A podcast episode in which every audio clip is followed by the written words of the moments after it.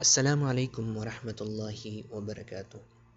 انتہائی معزز اور انتہائی محترم سامعین کرام آپ سب کو ہم اس چینل پہ خوش آمدید کہتے ہیں۔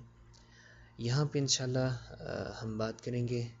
ہماری زندگی کا جو تخلیق کا مقصد ہے، اس مقصد کے حوالے سے کہ ہم کیوں اس دنیا میں آئے ہیں اور کس لیے اللہ سبحانہ تعالیٰ نے ہمیں پیدا کیا ہے۔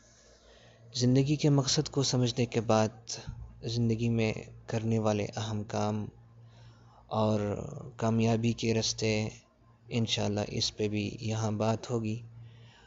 آئیے شروع کرتے ہیں ہم ہم اپنی زندگی کے مقصد کی طرف۔ اللہ سبحانہ تعالیٰ نے قرآن مجید میں ارشاد فرمایا، وما خلقت الجن والانس الا لیعبدون اللہ سبحانہ تعالیٰ